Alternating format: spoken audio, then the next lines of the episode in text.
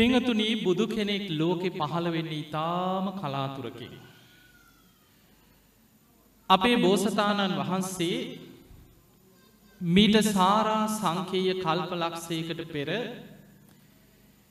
එදා දීපංකර පාදමූලේ සුමේද තාපසයන් වහන්සේ හැටියට විවරණ ගන්න දවසේ. උන්වහන්සේ අෂ්ට ධර්ම සමවදහනින් තමයි නියත විවරණ ලැබුවේ. අෂ්ට ධර්ම සමවදහනී කියල කියන්නේ ඒ වෙනකොට මනසින් බුදු බව ප්‍රාර්ථනා කරලා සට් අසංකේය කල්ප ලක්ෂයක් මනෝප්‍ර නිධානී පුරල තිබුණා. වචනින් බුද්ධත්වය ප්‍රාර්ථනා කර කර නවා සංකීය කල්ප ලක්ෂයක් පුරා වාප්‍ර නිධානය සම්පූර්ණ කරගෙන තිබුණා. ඒ වගේම හේතු සම්පත්තිය සතර පද ගාථාවක් අහලා ඒ මොහොතේම උතුම් අරහත්වයට පත්වවෙන්න තරම් පුුණ්‍ය ශක්තිය ප්‍රබලව තිබුණා.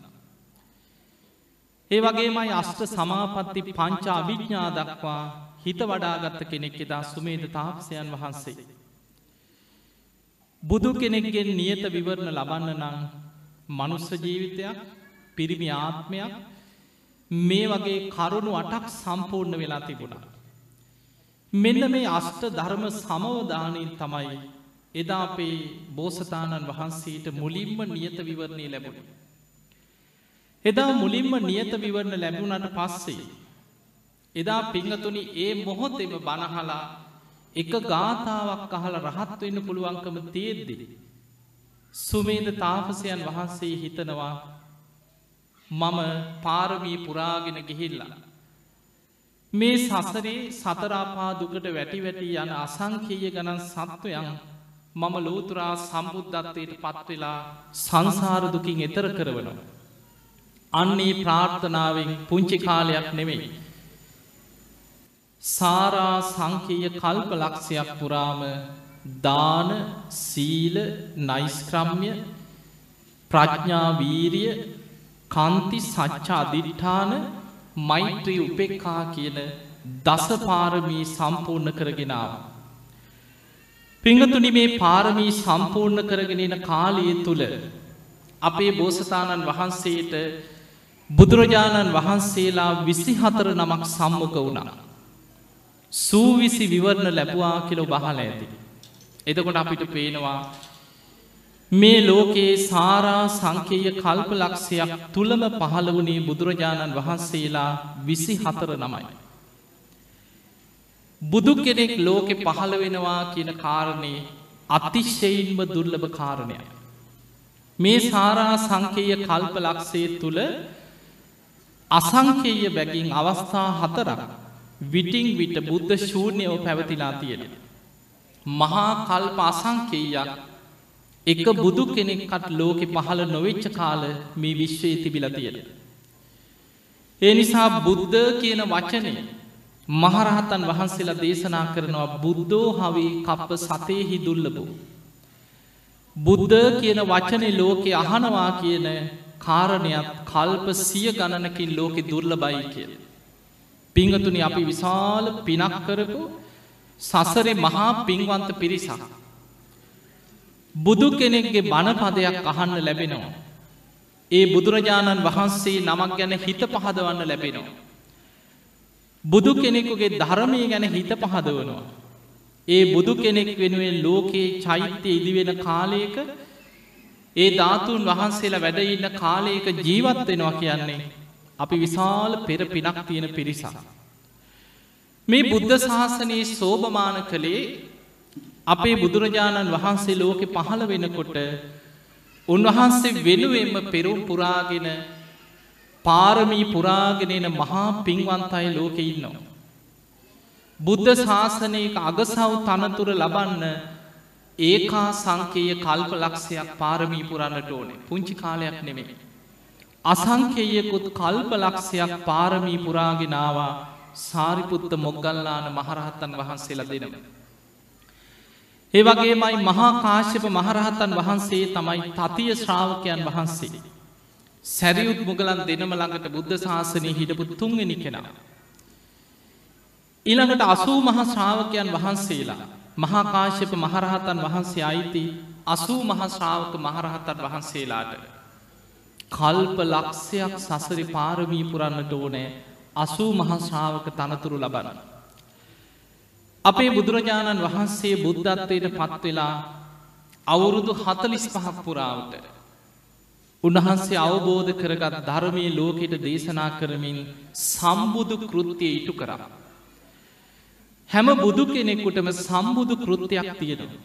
ඔබ දන්න අපේ බෝසතාණන් වහන්සේ එදා බෝධිමූලේ වැඩඉන්නකොට පාරමී සම්පූර්ණ කරලා දුස්කරක්‍රියා කරලා සුජාතාවගේ කිරිපිඩුදානය වළඳල සොත්තිය බමුණනාදීපු කුස තනමිටියටත් අරගෙන සුදු වැලි තලාතරින් ගලාගෙන යන නීරංජනා නදියෙන් එතර වෙලා එදා අපේ බෝසතාණන් වහන්සේ නැගෙන හිර දිසාවට කුස තන එලලා වජිරාසනය මත වැඩ සිටිය. අපි වාඩි වෙනවාගේ නෙවෙයි. උන්වහන්සේට පුදුම අධිෂ්ඨානයක් තිබුණා. මගේ ශරීරයේ සම්මස් වියලේවා. ඇටනහර පමණක් ඉතිරිවෙතොත් ඉතිරිවේවා. පුරුෂ වීරිය පුරුෂ පරාක්‍රමින් යම් ධර්මයක් අවබෝධ කරගත යුතුද මැරුණත් මෙතනින් නැකිටින් නෑකෙන අධිෂ්ඨාන. ඒ චතුරංග සමන්නාගත වීරියෙන් අපේ බෝසතාණන් වහන්සේ වජරාසනයේ වැඩයින්දිද්දි කලබල වුණේ වසවර්ති මාරය. මේ කාම ලෝකයේම අධිපති භාවේ දරණය අතරින් වසවර්ති මාරය අක්රයි කියන. ගිරි මේ කලා කියෙන ඇතුපිට නැගලා දසබිම්බරක් මාර සේනා පිරිවරාගෙන. වජිරාස්ථනය ළඟට මේ මාරය එන්නේ මහා භයානක හඬ ඇති කරගෙන. මොකද ඒ වෙනකොට අපේ බෝසතාණන් වහන්සේ තාම කෙලෙස් සහිතයි. බෝධිමූලේ බුදුවෙන්න වාඩි වුණා විතරයි. ළඟළඟ හෙන පුපුරනවා වගේ භයානක හඬවල් ඇහෙනවා. ගස් කඩාගෙන ඇගට වැටෙනවා වගේ භයානක සබ්ද ඇති වෙනවා. කඳු ගල් පෙරලීගෙන එනවා වගේ භයානක හඬ ඇති වෙනවා. අහස ගුගුරනවා. පොළොව දෙදරනවා. මේ වගේ භයානක හඬ ඇති කරා උන්වහන්සේ පුදුම අධිෂ්ඨානයෙන් ඒ ඉරියව්වෙන්ම ඉන්නවා. මැරුණට නැකෙටින් නෑකින අධිෂ්ඨානය. අවසානයේ වසවර්ති මාරය ළඟට ඇවිල්ලා. ගිරිමේ කලාකි නැතුපිට ඉදං අපේ බෝසතාණන් වහන්සේට විධාන කරනවා වහාම ඔතරින් නැකටින්න කියෝ. ඔබහන්සේට මගේ අයිතියක් නැතු ඔත්තන වැඩඉන්න බෑ. මමයි කාමලෝක අධිපතිය. වහාම ඔතනින් නැකටින්න කියෝ. මතකතියාගන්න දෙවියන් කියන්නේ කෙලෙස් සහිතයි. දෙවිවරු පවා මාර වසගේ ඉන්නේ. වසවර්ති මාරය මාර සේනා පිරිවරාගෙන එනකොට දෙවියම් පවා බිය පලා යන. අපේ බෝසතාණන් වහන්සේ පමණයි වජිරාසනය ළඟ. මාරය මාර සේනාවත් එක්ක උන්වහන්සේට අන කරන වහා මොතනින් නැකිටිරි. උන්වහන්සේට කාගෙවත් ඒ වෙනකොට සාකිකාරීක් නෑ. ඔබහන්සේ ඔප්පු කරන්නක ඔබහන්සේට මෙතන වැඩයින්න අයිතියක් තියෙනවන. උන්වහන්සේට මෙනෙහි වුණා සසරි පාරමී පුරපු ආකාරය. උන්වහන්සේ හිතින් මෙනෙහි කරා මම පාරමී සම්පූර්ණ කරගත්ත කෙනෙන. පාරමී උපපාරමී පරමත්ත පාරමී හැටියට පාරමී සම්පූර්ණ කරගත්ත කෙනෙන. මම පාරමී ධර්ම සම්පූර්ණ කරලයි මෙතන වැඩයින්න. වෙස්සන්තර ආත්මි පාරමී පුරණකොට මහපොළොව හත්වාරයක් පාරමී බලින් කම්පා වුණා. ඒ නිසා මට මෙතන වැඩඉන්න අයිතියක් තියෙනවා මේ මහපොළොව මට සාක්ෂි දරනවා කියලා වජිරාස්ථනය මත ඉඳගෙන ශ්‍රී හස්තය පොළොවට තියල උන්වහන්සේ අධිෂ්ඨාන කර. ඔබහන්සේට මෙතන වැඩයින්න අයිතියක් තියෙනවා කියලා සාක්ෂි වසයෙන් පොළොව ගිගුරුම් දෙමින් කම්පාවෙන්න පටන් ගත්තා. ඒ වෙලාවෙ තමයි වසවර්ති මාරයා මාර සේනාවත් එක්ක සීසීකඩ පලාගී. අපි කවුරුත් බෝධි මූලයේදි මාර පරාජය කරා කියලා කියන්නේ. අපේ බෝසතාණන් වහන්සේ පාරමී සිහි කරලා මහපොළොවට ශ්‍රී හස්තයේ තියල අධිෂ්ඨාන කරනකොට පොළොව ගිගුරුම් දෙද්දි මාරයා සේනාවත් එක පලාගිය. එදා රාත්‍රී තමයි උන්වහන්සේ ආනාපාන සති භාවනාවෙන් හිත සමාධිමත් කරගෙන. පළවෙනියාමේ දෙවනියාමේ තුන්ගෙනයාම වෙනකොට ඉස්සල්ලාම උන්වහන්සේගේ හිත හතරවෙනි දිහානයටම සමාධිමත් වුණා. රාත්‍රී පළවෙනියාමේ උන්වහන්සේට පුබ්බේ නිවාසානුස්සති ඥානය ඇති වුණා.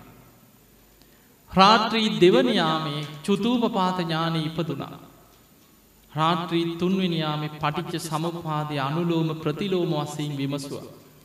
හිමිදිරි උදෑස්තන අරුණෝදයක් සමගම මේ පටිච්ච සම්පාද ධර්මය අනුලෝම ප්‍රතිලෝම වසයෙන් විමසල අවසන් වෙනකොට උන්වහන්සේගේ හිත සියලු කෙරිසුන්ගේ සියලු ආශ්‍රවයන්ගේ මිදිලා මේ මහා බද්‍රකල්පයේ හතරවෙනි බුදුරජාණන් වහන්සේ හැටියට සම්මා සම්බුද්ධත්වයට පත් වනා. අපේ බුදුරජාණන් වහන්සේ බුදු වෙලා විමුක්තිස්තුව විඳිමින්. ඒ වජිරාසනය මත ඒ ඉරියව්වෙම සතියක් වැඩ සිටිය. දවසක් මාරයා දැම් බුදුරජාණන් වහන්සේ බුදුවෙන එක වලක්වන්න උත්සාහ කරා බැරි වුණ. ඊට පස්සේ මාරය ආයමත් බෝධිමූලෙදි පෙනී හිටිය බුදුනාට පස්සේ. මේ වසවර්ති මාරය පෙනීදලා බුදුරජාණන් වහන්සේට කියනවා ඔබහන්සේ කොහොම හරි මගේ වසගේ මිදුනා. හැබැයි මේ මිදෙන මාර්ගයනල් ලෝකයට කිය කියා ඔබහන්සේ වෙහිසෙන් එපා ඒක වැඩක් නැති දෙයක්. ඉක්මනින්ම පිරිනිවන් පාන සේක්වා. ඔබහන්සේ ඉක්මනින් පිරිනිවන් පාන සේක්වා කියලා බෝධි මූලේදීම මාරය පිරිනිවන් පාන ආරාධනා කළලා. බුදුරජාණන් වහන්සේ වදාළ පාපී මාරය බුදුවරු එහෙම පිරිනිවන් පාන්නේ නෑ. අවබෝධ කරගත් ධර්මය ලෝකයට දේශනා කරලා ඒ ධර්මය තුළ භික්‍ෂු භික්‍ෂුණී උපාසක උපාසිකා කියන සිව්වනක් පිරිස ලෝකෙ පහළ වෙන. ඒ අය මේ ධර්මය ගැන ව්‍යක්ත විසාරද බෞශ්ෘත ධර්ම දරයි බවට පත්වෙන. දම්මානු දම්ම ප්‍රතිපදාවේ සාමීචි පටිපන්න අනුදම්මචාරී ශ්‍රාවකයෝ ලෝකෙ පහළ වෙන. අනාගතයේ බුද්ධ ශාසනයට හානිකර මතවාද මතුවෙනකොට ධර්මයම මතුකරමින් කරුණු සහිතව ඒ මිනිතයා මතවාද බිඳින්න දක්ෂ ශ්‍රාවකයෝ පහළ වෙනවා. එතෙක් තතාගතයන් වහන්සේ පිරිනිවන් පානෙ නෑ කියල පාපී මාරයට ප්‍රකාශ කර. ඒක තමයි බුදු කෙනෙක්ගේ සම්බුදු කෘත්තිය. හැම බුදුරජාණන් වහන්සේ නමකටම බුදුනාට පස්සේ ඉටු කළ යුතු සම්බුදු කෘතියක් තියෙන. ඒ තමයි උන්වහන්සේ අවබෝධ කරගත් ධර්මය ලෝකෙට දේශනා කරන. එදා දීපංකර පාදමූලයේ සතර පද ගාථාවක් අහලා රහත්වෙන්න නිවන්දකින්න පුළුවන්කම තියෙද්දී. සාරා සංකීය කල්ප ලක්ෂයක් පාරමී පිරුවේ මේ ධර්මය ලෝකෙට දේශනා කරලා අසංකේය ගණන් සත්වයන් සංසාරදුකින් එතර කරවන. අපේ බුදුරජාණන් වහන්සේගේ ප්‍රථම ධර්ම දේශනාව එදා ඉසිපතන මිගදායි ධම්ම චක්ක දේශනාව දෙවිවරු පමණක් දහාට කෝටියක් දෙවියම් මාර්ග පල් ලැබුව. එදා මනුස්සලෝකින් පස් දෙනයි බණැහුයි කොන්නඥ වප්ප බද්ධිය මහනා මස්සජී. හැබැයි අහස්කුස දස දහසක් ලෝක දහතුවල දෙවියන් අහසි පිරිලා ඉතිරිලා අත්තුරු සිදුරු නැතුව දෙවියන්ගෙන් පිරිලගිය. ඒ දෙවිවරු අතරින් දහට කෝටියක් දෙවියන් ධම්ම චක්ක දේශනාව අහල අවසන් වෙනකොට බුදුරජාණන් වහන්සේගේ පළවෙනි දේශනාවෙන්ම මාර්ග පල් ලැබුව. ඒ දෙවිවරුන්ගේ භූමාටු දෙවියන්ගේ ඉදං අකනිටා බඹලවටම දෙවිවරු ප්‍රීතිගෝසා කරා. අපපතිවත්තියන් ශ්‍රමණයනවා බ්‍රාහ්මණයනවා දේවේනවා මාරයනවා කියන චිවාලෝ කස්මි. මේ වගේ දේශනාවක් මේ ලෝකෙ වෙන කාටවත් කරන්න බෑ. බුදු කෙනෙක් පමණමයි මේ ධම්ම චක්කේ පතුරුවන්නේ. බුදුරජාණන් වහන්සේ ධම්ම චක්කේ දේශනා කරා කියලා එක හඬින් ප්‍රීතිකෝසා කරන්න. ඒ විදියට ඉහලට ඉහලට අකනිටා බඹලව දක්වා සාධකාර දෙමින් දෙවියම් ප්‍රීතිකෝසා කර. එදා ඉඳං අපේ බුදුරජාණන් වහන්සේට විවේකයක් නෑ. උන්වහන්සේ දවසේගේ පැය දෙහකටත් අඩු කාලයක් සිංහ සෙයාාවෙන් සැතපුුණේ. හිමිදිරි උදෑස්සන අවදි වෙලා දොළොස් කෝටි ලක්ෂ වාරයක් මහා කරුණා සමාපත්තියට සමවදිනවා. ගන්ධකුටිය ඉඳන් දස දහසක් ලෝක දහතුවට බුදුවැස විහිදෝල බලනවා කාට දදමම් පිහිට වෙලි. කවුද අද දවසි ධර්මය අවබෝධ කරන පින්වන්තය. මනුස්සලෝක මිනිස්සු අතරින් කවුද දෙවියන් අතරින් කවුද. බ්‍රහ්මයන් අතරින් කවුද අද දවස නිවන් දකිින්. බුදුරජාණන් වහන්සේ අය හොයාගෙන යුතුන් ගනන් ඒ අය හොයාගෙන පින් ඇති අය ළඟට වැඩම කරන. හවස්වරුවේ සමාපත්තියට සමවැදිලා දොළොස් කෝඩි ලක්ෂවාරයක් ආයමත් මහා කරුණා සමාපත්තියට සමවදිනවා. ගන්ධකුටියේ ඉඳන් දස දහසක් ලෝක දහතුවට ආයමත් බුදු ඇස විහිදෝනු රාත්‍රී කාලෙ. දම් සභා මණ්ඩපේ බණහල නිවන් දකින්නේ කවුද. රාත්‍රී කාලෙ බුදුරජාණන් වහන්සේ මුණගැහෙන්නෙන දෙවියන් අතරින් බ්‍රහ්මයන් අතරින් අද මාර්ග පල් ලබන්න පින තියෙන්නේ කාටද.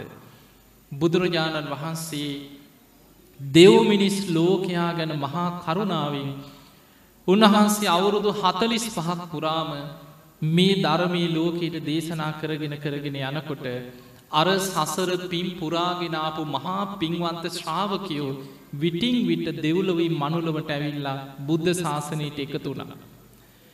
උපතිස්ස කෝලිත දෙන්න. එක ගාථා වහලා උපතිස්ස අස්සජී මහරහතන් වහන්සේගෙන් ගාථාව පද දෙකක් ඇහෙනකොට සෝවාන් වුණ.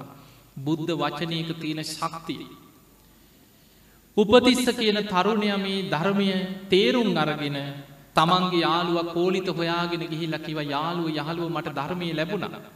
හොඳට අහගන්න කියව.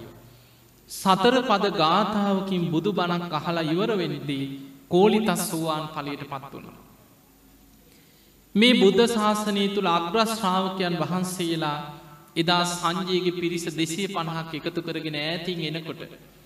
බුදුරජාණන් වහන්සේ සඟ පිරිසට පෙන්න්නනවා මහණෙන අර ඇතින් එන්නේ මේ බුද්ධ ශාසනය අග්‍රශ්‍රාවක දෙනම. සාරිපුත්තයන් වහන්සේ සසර පෙරුම්පුරාගෙන ආවිම ප්‍රඥාවන්තයන්ගෙන් අගතනතුර ලබන. උන්වහන්සේ තමයි මේ බුද්ධ ශාසනයේ ධර්ම සේනාධිපති. යම් ප්‍රදේශයක සාරිපුත්ත මහරහතන් වහන්සේ වැඩ සිටිත්නම් බුදුරජාණන් වහන්සේ දේශනා කරන මහනිනයේ ප්‍රදේශීම සංඝයාට අනුග්‍රහය. ආයි බුදුරජාණන් වහන්සේට බුදු ඇසින්ගේ ප්‍රදේශි දිහා බලන්න අවශ්‍යනය කියල. ඊළඟට මුගලන් මහරහතන් වහන්සේ. සසද පෙරුම් පුරාගෙනාව අග්‍රශ්‍රාවක තනතුර ලබන්නත් ඉරුදිවන්තයන්ගේ අග්‍රස්ථානය ලබන. වේරංජානුවර සාගරය සාගතයක් ඇතිවෙච්ච වෙලාවේ. ඔබහල ඇති විශාල නියගයක් දුරුභීක්ෂයක් එක්ක වේරංජා නගරි සාගතයකට මුණ දුන්න. අපේ බුදුරජාණන් වහන්සේ ඇතුළු පන්සීයක් භික්‍ෂූන් වහන්සේලා වස් සමාදන් වෙලා වස්සාරාධනා කරපු බමුණ මාරාවේශයකින් බමුණටත් අමතක වුණ. විශාල නියගයක් දුරුභීක්ෂයක් පින්ඩ පාති වැඩියට දානයක් ලැබෙන්නේ. අස්වයන්ට ලැබෙන යවහාල් ටිකක් අරගෙන ඇවිල්ලා පිටිකුලියක් වගේ වතුර ටිකක් දාලා අර යවහාල් ටික කොටල භික්‍ෂූන් වහන්සේල වලදන. මිනිස්සු විශාල පීඩනයකට පත් වෙලා. මුගලම් මහරහතන් වහන්සේ ඇවිල්ල බුදුරජාණන් වහන්සේට වන්දනා කළකින ස්වාමීණි මට අවසර දෙන්න. මම මගේ ඉරදි බලයෙන් මේ පෘතුවි පුෂ්ටය පෙරලන්නන් කීවා. මේ පොළොව ඇතුළෙ තියෙනවා කීව රස පොළොවක්. කිරිවල යොදේ වගේ ආහාර කරගන්න පුළුවන් රස පුෂ්ටයක් තියෙනවා පොළොව ඇතුළේ. අන්නේ තට්ටු උඩටමම් පෙරලන්නන් කිව ඉර්දිය. බුදුරජාණන් වහන්සේ අහනව මොග්ගල්ලාන එතකොට මේ පොළොවේ ඉන්න සත්වය සාමීනී මට පුළුවන් කිව ඉරදියෙන් මේ වගේම පෘතුවි පුෂ්ටයක් මවලා ඉරදියෙන් මේ සත්වයන් ඒ පුෂ්ටේ මත තියලා මේ අනිත් අතින් පොළොව පෙරලා. බුදුරජාණන් වහන්සේ මුගලන් හාමුදුරන්ට කියෙන මොග්ගල්ලාන ඔබ මහා ඉරදිමතෙක්. ඔබට ඔයදේ කළ හැකි නමුත් මොග්ගල්ලාන ඔබට ඔවැනි දෙයක් කරන්න නම් සිතක් පහළ නොවේවා. ඒකට හේතුව තමයි මොග්ගල්ලාන ඔබෝයදේ ඉරුදියෙන් කළොත්. ඉරුදි විෂය අචින්තියයි. සාමාන්‍ය මනුස්්‍යයන්ට හිතාගන්න බෑ මොකක්ද මේ වනේ කියලා. මිනිස්සු ඒක හිතල හිතලා හිත විපිලිසර කරගන්න බොහෝ දෙනෙක් පිස්සු ඇටෙනවා කිය. ඒ නිසා මුගලන් ඕක කරන්න එපා කියවා. මේ බුද්ධ ශාසනී ඒ තරං ඉරුදියක් තිබ්බ කෙනෙන. මුගලම් මහරහතන් වහන්සේ. නිතර දෙව්ලවට වඩිනවා. අහසිං යනව නොපෙනී යනවා. පොළොවේ කිමිදිලා තව තැනකින් මතුවෙනවා. ජලය මත සක්මන් කරනවා. මහා ඉරුදි බල සම්පන්න කෙනා. ඒකා සංකේය කල්පලක්ෂයක් පාරමී පුරපු සාරිපුත්ත මොග්ගල්ලාන මහරහතන් වහන්සේලා දෙනම මේ බුද්ධ ශාසනී සෝභමාන කරලා අපේ බුදුරජාණන් වහන්සේ පිරිනිවන් පාන්න අවුරුද්ධකට කලින් සැරියුත් මුගලන් මහරහතන් වහන්සේලා පිරිනිවන් පෑව. ඒක ලෝක ධර්මතාවය. හැම බුදු කෙනෙක්කුටම පෙර අග සහුදනම පිරිනිවන් පාන. ඒක ලෝක ධර්මතාවය. සාරිපුත්ත මහරහතන් වහන්සේගේ පවුලේ වැඩි මහල්ම කෙනා සාරිපුත්ත මහරහතන් වහන්සේ. ඊළඟට චුන්ද හාමුදුරු උන්වහන්සේ රහතන් වහන්සේ නම චුන්ද මහරහතන් වහන්සේ. ඊළඟට බාලම කෙනා හිටිය කදිරවනේ රේවත මහරහතන් වහන්සේ. උපසේන මහරහතන් වහන්සේ. පිරිමි දරුව හතර දෙනයි නංගිලා තුන් දෙනෙක් හිටිය චාලා උපචාලා සිසූපචාලා. ඒ තුන් දෙනාමත් පැවිදි වෙලා රහත් වුණා. හැබැයි අන්තිම මොහොතේ සාරිපුත්ත මහරහතන් වහන්සේ පිරිනිවන් පාන වෙලාවේ උන්වහන්සේ දැක්කා පවුලේ මල්ලිල නංගිලා ඔක්කොම රහත් වෙලා පිරිනිවන් පාන. හැබැයි අම්ම තාම බුදුහාන්දුරන්ට බැන බැන තුනුරුවන්ට බැන බැන සංඝයාට බැන බැන අනේ මගේ දරුවටි කරගෙන ගියා කියලා භික්‍ෂූන් වහන්සේලාට බැන බැන මිත්‍යා දෘෂ්ටියක මහා බ්‍රහ්මය අදහගෙන ඉන්නවා. සාරිපුත්ත මහරහතන් වහන්සේ බුදුරජාණන් වහන්සේට වන්දනා කරලා කියෙන ස්වාමීනී මට දැම් පිරිනිවන් පාන්න කාලෙ හරි. තතාගතයන් වහන්සේ මට පිරිනිවන් පාන්න අවසර දෙර සේක්වා. බුදුරජාණන් වහන්සේ බුදු වැසින් බලල කියනවා සාරිපුත්ත ඔබ කොහෙද පිරිනිවන් පාන. සාමිනී මං මගේ ගෙදරට යනවා. අම්ම තාම මිත්‍යා දෘෂ්ටියක ඉන්නේ. මම නිවසට ගිහිල්ලා අවසාන මොහොතේ හරි අම්මව ධර්මී පිහිටල මං ගෙදර පිරිනිවන් පාන. බුදුරජාණන් වහන්සේ සාධකාර දුන්නා. චුන්ද මහරහතන් වහන්සේත් එක්ක පන්සීයක් භික්‍ෂූන් වහන්සේලා ඒ ගමනට සාරිපුත්ත හාමුදුරුව එක්ක නිවසට වැඩිය. එදා ඒ නිවසේ සාරිපුත්ත මහරහතන් වහන්සේ වඩිනකොට පිරිනිවන් පාන උන්වහන්සේ ගිලං වෙලා උන්වහන්සේට බඩේ අමාරුවක් තිබ්බා. ලේත් එක්ක බඩේලී යන වමන යනවා. උන්වහන්සේ නිවසට වැඩම කළ ඉදා රාත්‍රී හොඳටම ගිලං වුණා. උන්වහන්සේට පඩික්කම් පිරෙන්න ලේ යනවා. රාත්‍රී දෙවිවරු වෙනවා සතරවරන් දෙවියන් අහස්සේ විශාල ආලෝක මවාගෙනාව කියනවා. සාරිපුත්ත මහරහතන් වහන්සේට උපස්ථාන කරන්න පිරිනිවන් පාන දවසේ. ඒ වෙලේ සාරිපුත්ත මහරහතන් වහන්සේ කියනවා දෙවියනේ මට මේ මනුස්ස ලෝක භික්‍ෂූන් වහන්සේලා ඉන්නවා. මේ චුන්ද හාමුදුරුව ඇතුළු පන්සීයක් සංඝයා ඉන්නවා මට උපස්ථාන කරන්න. අම්ම ඒත් සාරිපුත්ත හාන්දුරගේ කාම්බරේටාවෙනෑ. ගිහි කාලෙ හිටපු ගෙදර කාම්බරේ දුන්නා මම යන්නේ නෑ කියලා ඔලෝ ඉදුමවාගෙන ගෙයි පැත්තකට වෙලා හිටිය. රාත්‍රී විශාල ආලෝක මවාගෙන දෙවිවරු හතර දෙනෙක් කුටියට එනවා දැක්කා. එලියට ඇවිල්ලත් භික්‍ෂූන් වහන්සේලගෙන් ඇහුවා හර සාරිපුත්ත මගේ පුතාගේ කාම්බරීට මේ භික්ෂුවක් හැටියට ගරු කරන්නේ තාම. විශාල ආලෝක හතරක්කාව මොකක්දේ කියලෙහුව. භික්‍ෂූන් වහන්සේලා කියන මෑනයනේ. සතරවරන් දෙවියන් හතර දෙනා සාරිපුත්ත මහරහතන් වහන්සේට උපස්ථාන කරන්නාව. ඒ විලි හිතුනා ඇත්තද. අනේ මගේ පුතාට උපස්ථාන කරන්න සතරවරන් දෙවියන් ආව චුට්ටක් මාන්නේ බැස්සා. රාත්‍රී ටික වෙලාවක් යනකොට ඊට වඩා විශාල දීප්තිමත් ආලෝකයක් මවාගෙන සක්‍රදිවියන් ඇවිල්ලා සාරිපුත්ත මහරහතන් වහන්සේට වන්දනා කළ කියනවා ස්වාමීනී ඔබහන්සේට උපස්ථාන කරන්න මට අවසර දෙන සේක්වා. සාරිපුත්ත මහරහතන් වහන්සේ කියනවා සක්‍ර දෙවියනේ මේ භික්‍ෂූන් වහසලා බොහෝ පිරිසක් මට උපස්ථාන කරනවා. ඔබේ උපස්ථාන අවශ්‍යනෑ. සක්‍ර දෙවියන් වන්දනා කරල අතුරු දහන් වුණා. අරම්මයි යාලෝකි දැකළ පුදුමින් පුදුමයට පත්වෙලා එලියට ඇවිල් ඇහුවා විශාල් දීප්තිමත් ආලෝකයක්. සාරිපුත්තයන් වහන්සගේ කොටියට ඇතුල් වුණා ඒ කවුද කියලැහුව. භික්‍ෂූන් වහන්සේලා කියන මෑනයනේ ඒ දෙදෙව්ලෝට අධිපති සක්‍ර දෙවියන්. අනේ මගේ පුතාට උපස්ථාන කරන්න සක්‍ර දෙවියනුත්තාවද ඔන්න තවත් ටිකක් මාන්‍ය පහලට බැස්ස. ඒත් යන්න හිතෙන්නේ මමනේ අම්ම කියලා හිතෙනවා. රාත්‍රයේ විශාල ආලෝකයක් මවාගෙන සුදෝ සුදු දීප්තිමත් ආලෝකයක් මවාගෙන මහා බ්‍රහ්ම දෙවියන් ආව සාරිපුත්ත මහරහතන් වහන්සිට උපස්ථාන කර. ඒ වෙනකොට සාරිපුත්ත හාමුදුරුව පිරිනිවන් පාන්න රාත්‍රී හොඳටම ගිලං වෙන. උන්වහන්සේට ලේත් එක්ක බඩේලියන්න.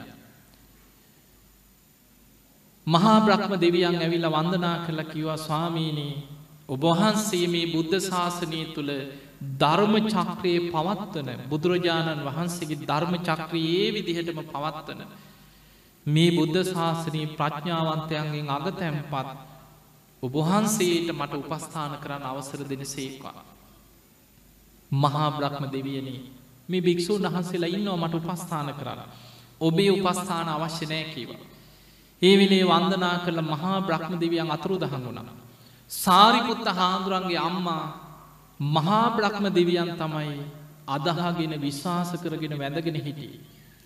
අවසානි තමන්ගේ පුතාට උපස්ථාන කරන්න මහා බ්‍රහ්ම දෙවියනුත් අහසින් වැඩියා කියලා දැනගත්ත වෙලේ අන්නේ වෙලේ තමයි හොඳටම මාන්නේ නැතිවුණේ. අන්තිම වෙලේ භික්‍ෂූන් වහන්සේලාට කියන අනේ මාව එක් කියන්න උන්වහන්සේ ළඟට මට උන්වහන්සේට වඳින්න ඕන දකින්න ඕනේ. සාරිපුත්ත මහරහතන් වහන්සේ ළඟට මෑනියන් එක්කරගෙනාව. සාරිපුත්ත මහරහතන් වහන්සේ දහම් දෙසවා. අන්තිම වෙලාවේ බණහලා සෝවාන් පලයට පත් වුණ. එදා රාත්‍රී සාරිපුත්ත මහරහතන් වහන්සේ සිවුර ඒකාන්ස කරලා පොරෝගෙන සංඝයාව අර පන්සීයක් භික්‍ෂූන් වහන්සේලා තමන්ගේ කුටියට අඩගහලා ඒ හැමෝටම කතා කරලා සාරිපුත්ත මහරහතන් වහන්සේ සිංහසීයාවේ සැතපිලා හතරවෙනි දෙහානයට සමවැදිලා ඒ දෙහානයෙන් නැගේ සිටිනවත් සමගම එදා රාත්‍රියයේ නිවසි පිරිනිවන් පැව. සාරිපුත්ත මහරහතන් වහන්සේගේ දේහෙ ආදාහනය කරලා උන්වහන්සේගේම සොහොයුරාවෙච්ච චුන්ද මහරහතන් වහන්සේ සාරිපුත්ත හාන්දුරන්ගේ පාත්‍රයට දහතුන් වහන්සේලා පුරෝගෙන සාරිපුත්ත හාන්දුරන්ගේ පාත්‍ර දහතුන් වහන්සේ අරගෙන ජේතවනාරාමිටෙනවා. ඇවිල්ල බුදුරජාණන් වහන්සේගේ ශ්‍රී හස්තයට පත් කරා ස්වාමීනී භාක්‍යතුන් වහන්ස සාරිපුත්ත මහරහතන් වහන්සේ පිරිනිවන් පෑවා. උන්වහන්සේගේ ශ්‍රී දේහ ආදාහනය කරල ලැබිච්ච මේ දහතුන් වහන්සේලා. සාරිපුත්ත මහරහතන් වහන්සේගේ දහතුන් වහන්සේලා බුදුරජාණන් වහන්සේගේ ශ්‍රී හස්තේ තියාගෙන සංඝයාට ගුණ කියල. මහනිනි සාරිපුත්තයන් වහන්සේ ඒකා සංකේය කල්ප ලක්ෂයක් පාරමී පුරපු මහා පින්වන්ත කෙනෙ. සාරිපුත්තයන් වහන්සේ යම් ප්‍රදේශයක වැඩඉන්නවනං ඒ ප්‍රදේශේම පිරිලා සංඝයාට පුදුම අනුග්‍රහයක්. බුදුරජාණන් වහන්සේ සාරිපුත්ත මහරහතන් වහන්සේගේ ගුණ කියලා. භික්‍ෂූන් වහන්සේලාට කියනව මහනෙන සාරිපුත්තයන් වහන්සේගේ මේ දහතුන් වහන්සේලා තැම්පත් කළ චෛත්‍යයේදි කරන්න. දෙව්මිනිස් ලෝකයාට වන්දනා කරලා පින් රැස් කර ගන්න පුළුව. බුදුරජාණන් වහන්සේගේ ශ්‍රී හස්තයෙන්මයි ඒ දහතුන් වහන්සේලා චෛත්‍යය ඉදි කරන්න කියලා පැවරුයි. ඒ වගේම ඔබ දන්නවා බුදුරජාණන් වහන්සේ පිරිනිවන් පාන අවුරුද්ධකට පෙර. ඉරදිමතුන් අතර අගතැම්පත් මුගලම් මහරහතන් වහන්සේ පිරිනිවන් පෑව. උන්වහන්සේ මොන තරං ඉරදිමත් වනත් සසරේ කර්ම විපාක අපරාපරිය වේදනය කර්මයක් හැටියට පස්සෙංආව. හැම ආත්මිකම සසරි කල්ප ගාන ආයුෂ ගෙවිල අවසන් වෙනකොට කොහෙන් හරි පොළුවලින් පහරදීලා පිරිසගෙන් ගුටි බැට කාලා පිරිනිව මැරෙන ක්‍රමයක් මනුස්සලෝකේ උපෝපං හැම ආත්මයකමාව. රහත් වෙච්ච ආත්මෙත් දවසක් උන්වහන්සේ කුටිය භාවනා කරනකොට පිරිසක් ඇවිල්ල පොළු ආයු දරගෙන කුටිය වට කරලා. අන්න තීර්ථකයන් පිරිසක් යොදවලා මුගලං හාමුදුරුවන්ග ගහල මරන්න. එදා උන්වහන්සේ භාවනා කර කර හිටියේ. උන්වහන්සේ කුටිය දොර කඩන්න හදනකොටම සැනින් අහසට පැනනැක්ග ඉරදී. වහලි පියස්සෙන් අහසට පැනනැකල අහසිම වෙනත් දිහාාවකට වැඩිය. අර පිරිස දොර කටල බලනකොට නෑ. යමල්ල යන්න තව දවසකෙමු කියලා ගිය. ආයි ටික දවසකට පස්සේ මුගලම් මහරහතන් වහන්සේ මේ කුටිය භාවනා කරන. අර පිරිස දෙවනි වතාවත් ආයුධ පොළු අරගෙනවා මුගලම් මහරහතන් වහන්සේට ගහල උන්වහන්සේට අනතුරක් කරන්න. එදා උන්වහන්සේ භාවනා කර කර ඉන්න ගමන් පන්සීයක් ඉතර ඇවිල්ලා කෙනෙක් කියනවා කඩපංකිවෝයි දොර. දොර කඩන්න හදනකොටම උන්වහන්සේ සියුම් ශරීරයක් මවාගෙන යතුරු හිලෙන් එලියට ගිහිල්ලා පිරිස අතරින්ම නොපෙනී ගමන් කර. දොර කඩල බලන්නකොට උන්වහසේ නෑ. ඒ තරම් ඉරදිමත් කෙන. ආයමත් දවසක් භාවනා කරනකොට එදා උන්වහන්සේ බැලුවා මේ පිරිස ආයමත් මගේ පස්සෙන් එයිද.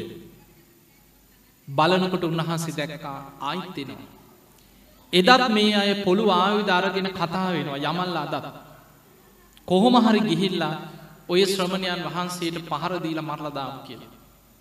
උන්වහන්සේ භාවනාවෙන් දිවසිම් බැලුවා ඇයි මේ පිරිස මගේ පස්සෙන් ආයායමත් එන්නේ. මම පෙරකරපු සසර අකුසලයක්ද පෙරජීවිත බැලුවා උන්වහන්සේ දකිනවා බලන බලන ආත්ම ආත්ම සීයක් ආපස්සට බැලුව. මනුස්ස ලෝකෙ උපන් හැම ආත්මකම ආයුෂ ගෙවෙනකොට ගුටි කන ක්‍රමයක් පෑදෙන කොහොම හරි මිනිස්සුන්ගේ පොළු පාරවල් කාල ගුටි කාල මැරලතිී. ආත්ම දාහක් බැලුව කල්ප ගනම් බැලුව.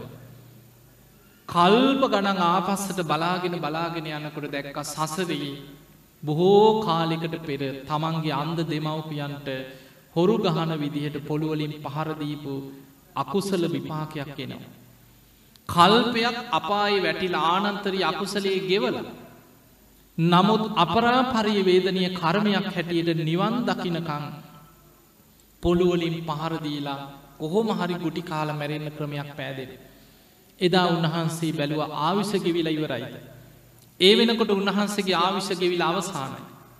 අද මං මේකට මුණ දෙනවා කියල හිත හදාගත්තා.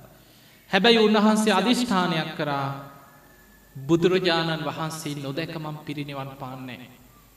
අද මේ පිරිස් හැවිල්ල මගේ කුටිය දොර කඩල මට පහරදීලයයි. හැබැයි මම ඉරුදියෙන් මගේ අතපයි කඩල දාලා ගියත් මම ඉරදියෙන් බුදුරජාණන් වහන්සේ ළඟට වැඩම කරලා අවසර අරගෙන වන්දනා කරලා මම පිරිනිවන් පානවා.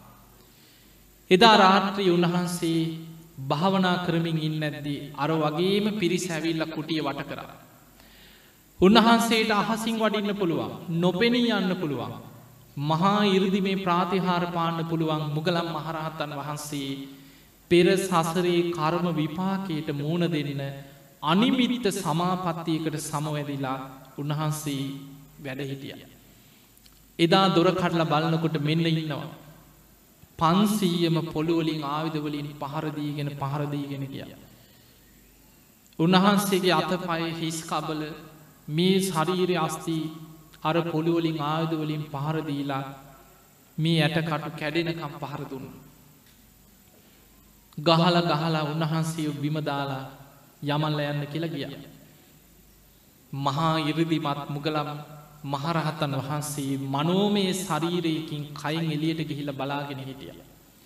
මේ පිරිස එතනින් ගියාට පස්සේ අර අධිෂ්ඨානී මෙනෙහි කරලා කැඩික් චාතපයි කොටස් අස්ති කොටස් ඉරදියෙන් යළි හදාගෙන තමන්ගේ මනෝමේ ශරීරයෙන් ඕලාරික කයිට ඇතුල් වෙලා අහසිම්ම බුදුරජාණන් වහන්සේ වැඩඉන්න තැනට වඩින. එදා රාත්‍රී බුදුරජාණන් වහන්සේ සංඝයාට දහම් දෙසන. මුගලම් මහරහතන් වහන්සේ අහසිං වැඩම කරලා දම් සභා මණ්ඩපයට වඩිනකොට බුදුරජාණන් වහන්සේ මුගලන් හාමුදුරු දිහා බලල කියනව මොග්ගල්ලාන ඔබම සසරි කරපු අකුසල විපාකයක් ඔබට ඔය පස්සෙන් ආවේ. භික්‍ෂූන් වහන්සේලා බැලුවා මේ ඉන්න හොඳට උන්වහන්සේට මොකක්ද වෙලා තියෙන. බුදුරජාණන් වහන්සේ වදාළ මොක්ගල්ලාන. ඔබේ වචනින්ම සසරේ අකුසල විපාකයක් ඔබට වේ කරපු ඔබකින් වෙච්ච කර්ම විපාකයක් සසරි විපාකදීපු ආකාරයක් ඔබේ වචනින්ම සංඝයාට කියන්න කියලා. බුදුරජාණන් වහන්සකින් අවසර අරගෙන මුගලම් මහරහතන් වහන්සේ සංඝයාට සසර කර්ම විපාකයේ පෙනෙන ආකාරයට දහම් දෙසුව කිය. පිංහතුනී සමහර දවස්වලට සාරිපුත්ත හාන්දුරුව බණ කියනකොට අපාය ගැන මුගලම් මහරහතන් වහන්සේ ඉරදියෙන් අපාය මවල පෙන්නනවා. දෙවියන් ගැන බණ කියනකොට දිවියලෝක ඉරදියෙන් මවල පෙන්නන. මේ බුද්ධ ශාසනය තුළ ඒ තරන් සෝභමාන මහා බල සම්පන්න මහරහතන් වහන්සේලා වැඩ හිටිය.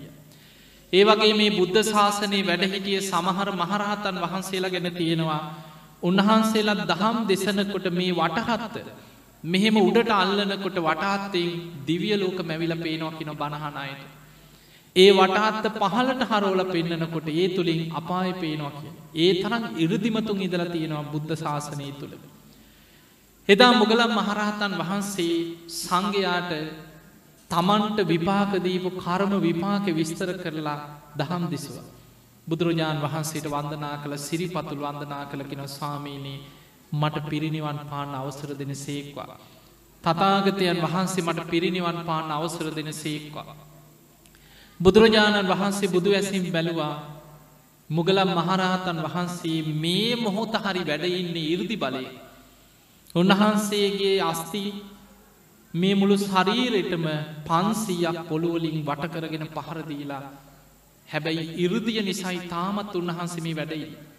මුගල්ලාන ඔබට පිරිනිවන් පාන අවසර දෙනවා ඒ වෙනකොට උන්වහන්සගේ ආවිශ ගෙවිලා ඉවරයි. බුදුරජාණන් වහන්සේ ඉල්ලීමක් කරා මුගල්ලාන ඔබ පිරිනිවන් පාන්න පෙර අවසාන වසේ සංඝයාට ධර්ම පරියායක් දේශනා කරන්න. බුදුරජාණන් වහන්සේකින් අවසර අරගෙන මුගලම් මහරහතන් වහන්සේ පෙළහර පාමින් බුදුරජාණන් වහන්සේ ඉදිරියේ දහම් දෙසුව. බණ කියලා අවසන් වෙලා බුදුරජාණන් වහන්සේට වන්දනා කරලා වැඳගෙන පස්සෙන් පස්සට එලියට යනකොට පිරිනිවන් පාරණය යනකොට බුදුරජාණන් වහන්සේ වදාළ මහනිනේ මොගල්ලානයන් වහන්සේ පිරිනිවන් පාන වඩිනවා. උන්වහන්සේ පිරිනිවන් පෑවට පස්සේ මේ බුද්ධ ශාසනයේ එක ප්‍රදේශයක් අඩක් පාළුවට ගියා වගේ සංඝයාට දැනේ. මුගලන් හාමුදුරුවොත් යම් ප්‍රදේශයක වැඩඉන්නවනම් ඒ ප්‍රදේශයත් සංඝයාට විශාල අනුග්‍රහය. ඒ වෙනකොට සාරිපුත්ත හාමුදුරුවත් පිරිනිවන් පාලා. බුදුරජාණන් වහන්සේ වදාළ පන්සීයක් සංඝයාට මහනිනි මුගල්ලාන එක පෙරගමන් යන්න කිව මගට යනක. මුගලම් මහරහතන් වහන්සේ නගරයේ දොරටුව ළඟට යනකං සංඝයා ටිකදුරක් විහාර සීමාවෙන් එලියට පෙරගමන් ආව. ඒ භික්‍ෂූන් ගෙනුත් අවසර අරගෙන අහසිම වැඩම කරලා තමන්ගේ කුටියේ සිවරේ කාංස කරලා පොරෝගෙන සිංහසෙයාාවෙන් සැතපිලා හතරවෙනි දෙහානයට සමවැදිලා ඒ දෙහානෙන් නැගී සිටිනවා සමගම මුගලම් මහරහතන් වහන්සේ පිරිනිවන් පාවදාල. පිංහතුනි අපේ බුදුරජාණන් වහන්සේ ජියවමානෝ වැඩඉන්න කොටමයි පුංචි රාහුල හාමුදුරුව පිරිනිවන් පෑවේ. දැම් බලන්න අපේ බුදුරජාණන් වහන්සේ පිරිනිවන් පානකොට උන්වහන්සේගේ වයි සවුරුදු අසුවයි. බුදුරජාණන් වහන්සේ පිරිනිවන් පාන අවුරුද්ධකට පෙර.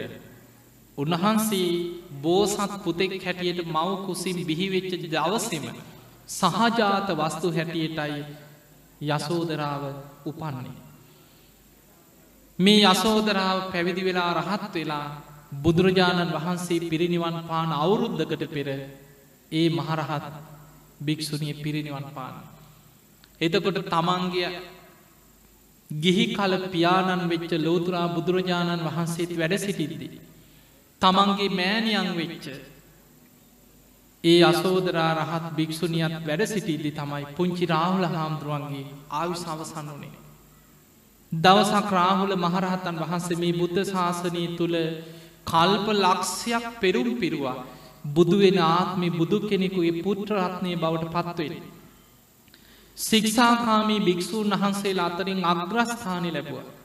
ඔබ අහලා තියෙනවා වැලි අහුරක් අරගෙන හැමදාම උදෑසන මේ වැලි අහුර උඩදාලා ප්‍රාර්ථනයක් කරා මට මේ වැලි කැට ගණනට වැඩිහිටි භික්‍ෂූන් වහන්සේලාගෙන් සංඝයාගෙන් මට අව්වා දනුශාසනා ලැබේවා.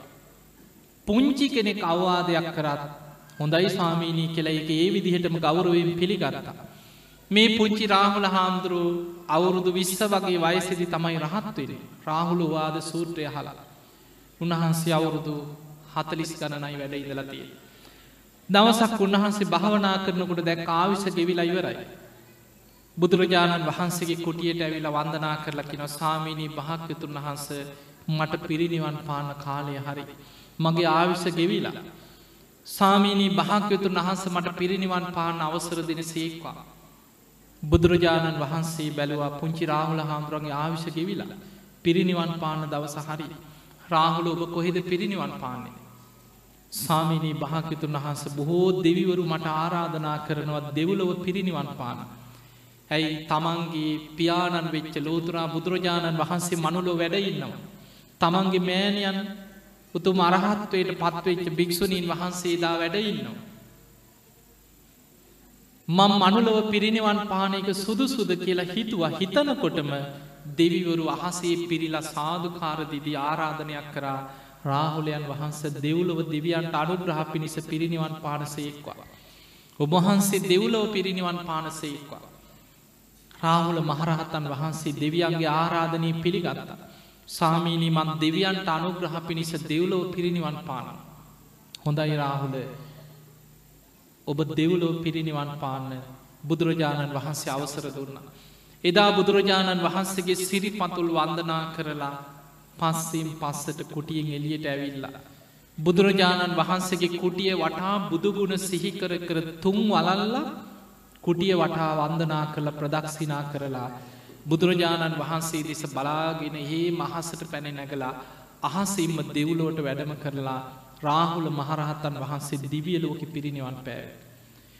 ඒ උතුම් රාහුල මහරහත්තන් වහන්සේගේ සියලුම දහතුන් වහන්සේලාද වැඩඉන්නේ දෙව්ලොව දෙවියන් අතර. ඊළඟට පිංහතුනි මහාකාශප මහරහතන් වහන්සේ. අපේ බුද්ධ ශාසනී තුළ බුදුරජාණන් වහන්සේ පිරිනිවන් පාන අවුරුද්ධකට පෙරයි අගසව් දෙනම පිරිනිවන් පෑ. බුදුරජාණන් වහන්සේ පිරිනිවන් පාද්දී මේ ශාසනී වැඩ හිටියපු ශේෂ්ඨතම කෙනා. දූතාංග දානීන්ගෙන් අගතැම්පත් මහා පුරුෂ ලක්ෂණ හතක් පිහිටපු. ඈතට බුදුරජාණන් වහන්සේ වගේම පෙනුමක් තිබ්බ මහා කාශප මහරහතන් වහන්සේ. උන්වහන්සේ තමයි ප්‍රථම ධර්ම සංගායනාවේ මූලිකත්වය ගත්තේ. බුදුරජාණන් වහන්සේ පිරිනිවන් පෑවට පස්සේ දහතුන් වහන්සේලා බෙදල දෙන්න මුල්ලුනේ මහාකාශප මහරහතන් වහන්සේ. මහාකාශප මහරහතන් වහන්සේ තමයි ශාසනයේ වගකීම භාරගත්තේ බුදුරජාණන් වහන්සේ පිරිනිවන් පෑවට පස්සේ. උන්වහන්සේ අවුරුදු එකසිය විස්සක් වැඩ හිටිය. හැබැයි උන්වහන්සේ පිරිනිවන් පෑවේ පුදුම විදිහකට. මහාකාශප මහරහතන් වහන්සේ පිරිනිවන් පාන දවස උදාවනා. උන්වහන්සේ සමාපත්තියෙන් බැලුවා අද මට පිරිනිවන් පාන දවස හරි කොහොමද මං පිරිනිවන් පාන. පෙර සසරේ කල්ප ගානකට පෙර කරපු කර්ම විපාකයක් තියෙනවා. උන්වහන්සේ පිරිනිවන් පෑවට පස්සේ ඒ දේහය මුල් කරගෙන මෛත්‍රී බුදුරජාණන් වහන්සේ බුදුවෙච්ච දවසක. උන්වහන්සේ දවසක් රහතන් වහන්සේලා පිරිවරාගෙන අනාගතයේ මෛත්‍රී බුද්ධ ශාසනයේ මහාකාශප මහරහතන් වහන්සේගේ දේහේ වැඩසිටින එතනින් යනවා. පරවත තුනක් ඇතුළේ තමයි මහාකාශප මහරහතන් වහන්සේ පිරිනිවන් පෑවට පස්සේ දේහි වැහිලෑර. අනාගතයේ මෛත්‍රී බුදුහාමුදුරුව පහළ වෙලා ඒ දිනේ වෙනකං මහාකාශප මහරහතන් වහන්සේගේ දේහය කිසිම වෙනසක් නොවී අර පරවත තුන ඇතුළේ පිහිටනවයි ආකාරය. ඒවා අපිට හිතාගන්නවත් බැරි දේවල්. මෙන්න මේ අධිෂ්ඨානි දැක්ක. දැකල මහාකාශප මහරහතන් වහන්සේ එදා සංඝයා දැනුවත් කරලා රජ්ජුරුව දැනුවත් කරන්න ගිය ඒ වෙලාව රජ්ජුරුව කොසොල් රජ්ජුරුව දවල් ආහාර අරගෙන නිදී. රජ්ජුරුවන්ට උන්වහන්සේ වැඩිය කියලා දැනුම් දෙන්න කියලා සංඝයා එක්ක වැඩිය. රජගහනුවරින් කඳු මුදුනක විශාල ගල් පරවත තුනක් තියෙන. මේ පරවත තුන මැද්දේ තමයි උන්වහන්සේ පිරිනිවන් පාන. එදා සංඝයක් පිරිවරාගෙන ඉතනට වැඩම කරලා අහසේ පෙළහර පානකොට දෙවි දේවතාවරු දස දහසක් ලෝක දහ තුළ දෙවියන් අහසි පිරිල්ලා සක්‍ර දෙවියන් අර පරවත තුන මැද්දේ ඇදක් පැනෙව්වා.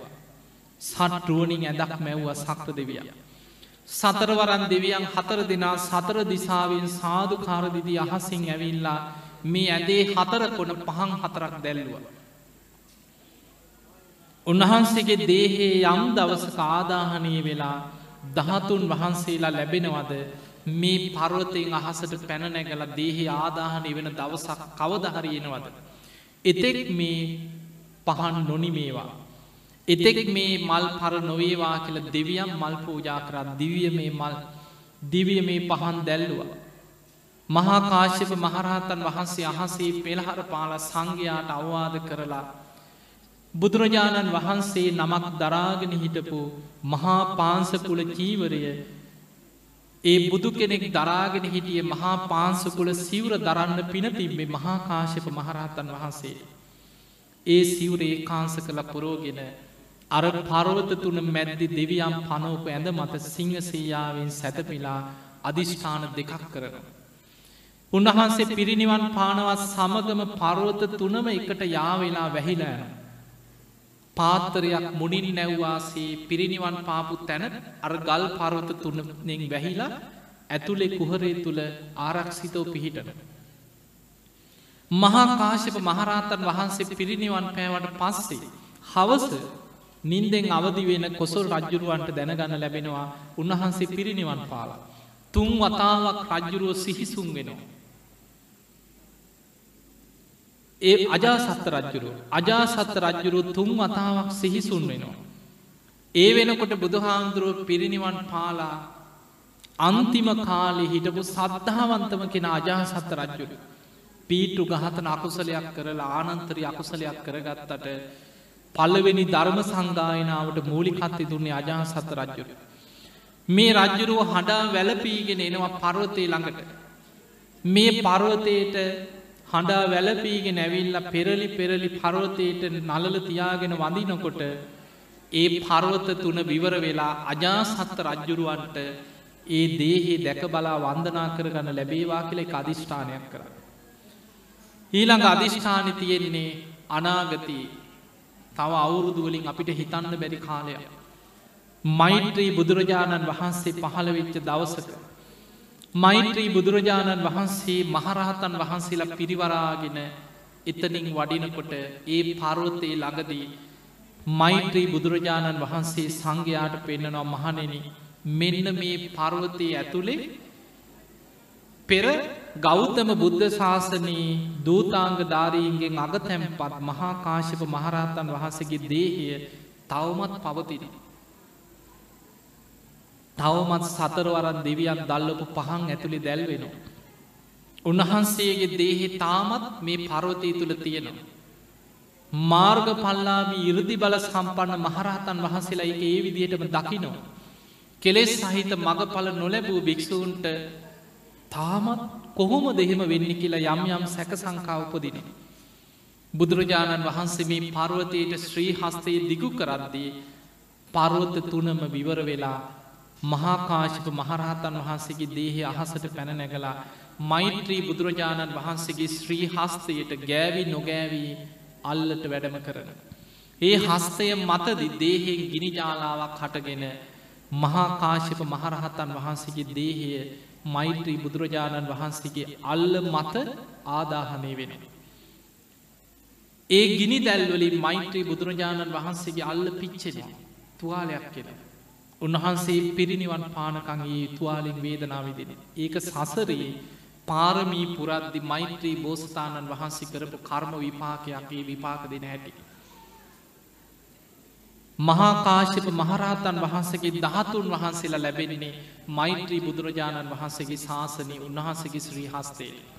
එහෙම නම් පිංහතුනි අද මේ වෙනකොට මේ ගෞතම බුද්ධ ශාසනයේ සෝභමාන කරපු තතිය ශ්‍රාවකයන් වහන්සේ මහාකාශප මහරහතන් වහන්සේගේ දේහය තාමත් ඒ පරවත තුන මැද්‍ය අධිෂ්ඨානින් වැඩඉන්නවා මිසක් තාම ධාතුන් වහන්සේලා ලැබිලනෑ. මෛත්‍රී බුද්ධ ශාසනයේ ධාතුන් වහන්සෙල් ලැබෙන. ඒ වගේ මේ බුද්ධ ශාසනයේ සෝභමාන කළපු මහරහතන් වහන්සේලාගේ දහතුන් වහන්සේලා. බක්කුල මහරහතන් වහන්සේ අවුරුදු එකසිය හැටක් වැඩහිටිය මහා පුදුම පුුණ්්‍යවන්ත මහරහතන් වහන්සේ නම. බක්කුල මහරහතන් වහන්සේගේ ජීවිත කතාව අපිට හිතාගන්න බැරි අදහාගන්න බැරි. අපේ නුවනට හිතන්නවත් බැරි මහා පුදුම පුුණ්‍ය ශක්තියක් ගැබ්වෙච්ච කෙනෙ. අසංකේයකොත් කල්ප ලක්ෂයකට පෙර අනෝම දස්සී බුදුරජාණන් වහන්සේගේ උදරාබාධයක් හැදිච්ච වෙලාවේ ඒ බුදුරජාණන් වහන්සේට බෙහෙත් කරන. එදා ඉරදි මත්තාපසේ බුදුරජාණන් වහන්සේ එක බේත්වේලෙන් සූපත්වෙනවා. එදා ප්‍රාර්ථනාවක් කරනවා මට කවදාහු මේ සසරේ ඉපදී ඉපද යන හැම ආත්මයකම කවද හරි සසරින් මිදෙන තෙක්ම කුඩා වූද මහත් වූද රෝගයක් කියන වචන මට මං ගැන අහන්නවත් නොලැබේවා. උපවපං හැම ආත්මයකම නිරෝගි සම්පත්තිය දීර්ගාවි සම්පත්තිය ලැබේවා. මතකතියාගන්න බක්කුල මහරහතන් වහන්සේ ඒ බක්කුල නමින් රහත්වෙච් ආත්ම විතරක් නෙමේ නිරෝගි සම්පත්තිය ලැබෙන. ඒකා සංකීය කල්ප ලක්ෂයක් උපවපං හැම ආත්මයකම කුඩා වූද මහත් වූද රෝගයක් කියන වචනය තමන්ට තමන් ගැන අහන්නවත් නොලැබේවා කියන ප්‍රාර්ථනයෙන් පින්කරපු කෙනෙ. ඒ වගේම හැම ආත්මිකම දීර්ඝාවිශ වින්ද. හැම ආත්මයකම අකල් මරණයක් කවදාවත් වෙලා නෑ. හැම ආත්මයකම තමන්ට ඔයාට මෙහෙම ලෙඩක් තියෙනවා ඔයා මේ වගේ ලෙඩෙ ඔයා හොඳ කරන්න බෑ කවදාවත් තමන් ගැන සසර එහෙම දෙයක් අහන්නවත් ලැබිලනෑ කිය. එහෙම පින්කරගෙන පින්කරගෙන ඇවිල්ලා පියවමතුරා බුද්ධ ශාසනී. මීට කල්ප ලක්ෂයකට පෙර පියවමතුරා බුදුහාදුරන්ගේ තමයි විවරණ ගන්න. මේ කෙන අනාගතයේ ගෞතම බුද්ධ ශාසනයේ නිරෝගී සම්පත්තියෙන් අගතැම්පත් අල්ප ආබාධ ඇති භික්‍ෂූන් වහන්සේ අතරින් අග්‍රස්ථානය ලබන. ඒ උතුම් බක්කුල මහරහතන් වහන්සේ පැවිදි ජීවිතය අවුරුදු අසුවා. ගිහි ජීවිතෙත් අවුරුදු අසුවක් පුද්දුම සැප සම්පත් විඳිමින් නගර දෙහෙක රජවරු වගේ පුදුම සැප සම්පත් මැද්දි ගිහි ජීවිතය ගත කරන අවුරුදු අසුව. ඒ බක්කුල මහරහතන් වහන්සගේ ජීවිතයේ ගොඩාක් ලස්සන කරුණු තියෙන. පහුගේ දවස්වලමං ගොඩා කරුණු හොයලා එකතු කරලා බක්කුල මහරහතන් වහන්සේගේ නාමයෙන් පොතක් කෙලි දැක්වා. පෙරේද දවසේ තමයි මේ පොතාපී එලි දැක්වේ ඔබට මේ පොත ලබාගන්න පුළුවන් බක්කුල මහරහතන් වහන්සේ නමින් පිදෙන බක්කුල මහාසෑය කිය. මේ ධර්ම ග්‍රන්ථය තුළ බක්කුල මහරහතන් වහන්සේගේ ජීවිතයේ මහා පුදුම ආශ්චරමත් තොරතුරු ගොඩාක් තියෙන. පැවිදි ජීවිතය අවුරුදු අසුවටම නිදාගෙන නෑ කියන හිතන්නවත් පුළුවන් අපිට. නිදි මතක් කවදාවත් උන්වහසිට දැනෙන්නේ. මතකතියාගන්න කෙනෙකුට නින්දක් අවශ්‍ය වෙන්නේ. කෙනෙකුට නින්දක් අවශ්‍ය වෙන්නේ කය දුරුවලයි. මිනිස්සුන්ගේ කයි දුරුවලයි. එක දවසක් නින්ද නැති වුණොත් ඇඟ පතරි දෙනවා අත පයිරි දෙනවා ඇස්්‍රි දෙනවා. අපිට හිටගෙන නින්ද යනවා දවසක් හරියට වෙලාවට නිදාගන්න බැරිවුණු. බක්කුල හාමුදුරුවන්ට කවදාවත් තමන්ගේ කයට අපහසුවක් දැනිලනෑ කියන මුළු ජීවිතය. කිසිම ලෙඩක් කියලා ඒ කාලෙ තිබ්බේ අරලු ගෙඩිය බෙහෙතට ගන්න පුංචිමද අරලු කවදාවත් එක අරලු ගෙඩියක්කත් බෙහෙතක් හැටියට අරගෙන්නෑ කියල. උන්වහන්සේ වාඩි වනත් වාඩි වෙන්නේ කොන්ද හේතු කළ නෙමෙයි කියන. ජීවිතය කවදාවත් පැවිදි ජීවිතය අවුරුදු අසුවටම කොහෙටවත් හේතුවක් දාලක් වාඩි වෙලා නෑ කිය. උන්වහන්සේ ඉරියවුතුනයි පැවිදි ජීවිතේම හිටගෙන ඉන්න ඉරියව්වයි සක්මන් කරන ඇවිදින ඉරියව්වයි වාඩි වෙලා භාවනා කරන ඉරියව්ව විතරයි කියන ජීවිතයේ පරිහරණය කරෙන. නිකංවත් හාන්සි වෙන්න ඕනෑ ඇඟට අමාරුයි පොඩ්ඩක් ඇලවෙන්න ඕන කියලා කවදාවත් කය හාන්සි කරවල නෑකි. මේ බක්කුල මහරහතන් වහන්සේ පිරිනිවන් පාන්නේ හරිම පුදුමයි.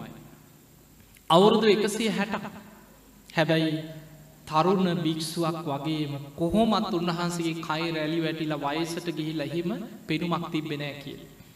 හැබැයි ඔබ දන්න අපේ බුදුරජාණන් වහන්සේ අවුරුදු අසුවක් වෙනකොට. ආනන්ද හාමුදුරුවන්ට බුදුරජාණන් වහන්සේ දේශනා කර ආනන්දය දැන් තතාගතයන් වහන්සගේ ශරීරය හරියට ජග්ගර සකටක් දිරාපු කරත්තයක් වගේ. දැම් බොහොම අමාරුවේ මේ කය පරිහරණය කරන්න. ඔබ දන්නවා බුදුරජාණන් වහන්සේ ලෙඩ වුණා බේලුව ගමේදී මාරාන්තික බඩේ අමාරුවක් වැළඳෙන. පිරිනිවන් පාන්න කුසිනාරාවට වඩින ගමන කීප තැනක කලන්තෙ හැදෙනවා. ලෝහිත පක්කන්දිකාරෝගී කියල ධර්මය සඳහන් වෙනවා අපේ බුදුරජාණන් වහන්සේට පිරිනිවන් පාන වඩිනකොට ලේස් සමඟ බඩේලියන. ඒකට හේතුව බුදුරජාණන් වහන්සේ පාරමී පිරුවේ නිරෝගි සම්පත්තියෙන් අග්‍රස්ථානය ලබන්න නෙමේ. මට නිරෝගි සම්පත්තිය ලැබේවා කිය අදහස් අපේ බුදුහාදුරන්ට තිබෙනේ.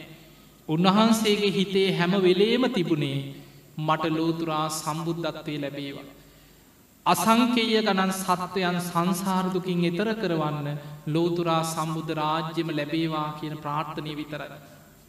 හැබැයි බක්කුල මහරහත්තන් වහන්සේ සසරි පෙරුම් පිරුවේ නිරෝගි සම්පත්තියෙන් අග්‍රස්ථානය ලැබේවා කියන ප්‍රාර්ථනය. මතකතියාගන්න අපි පින් කරලා අපි යමක් ප්‍රාර්ථනා කරනවද. අපි යම් අරමුණක් ඔස්සේ පින්කරගෙන යනවද පිනෙන් අපේ අරමුණ අපිට ළඟා කරලා දෙන. සාරිපුත්ත හාමුදුරුවන්ගේ අරමුණ වනේ අගසව් තනතුර ලබන්න. ඒකා සංකේය කල්පලක්ෂයක් පාරමී පිරුවේ ප්‍රඥාවන්තයන්ගේ අග්‍රස්ථානය ලබන ඒ දේ උන්වහන්සේට ලැබුණ.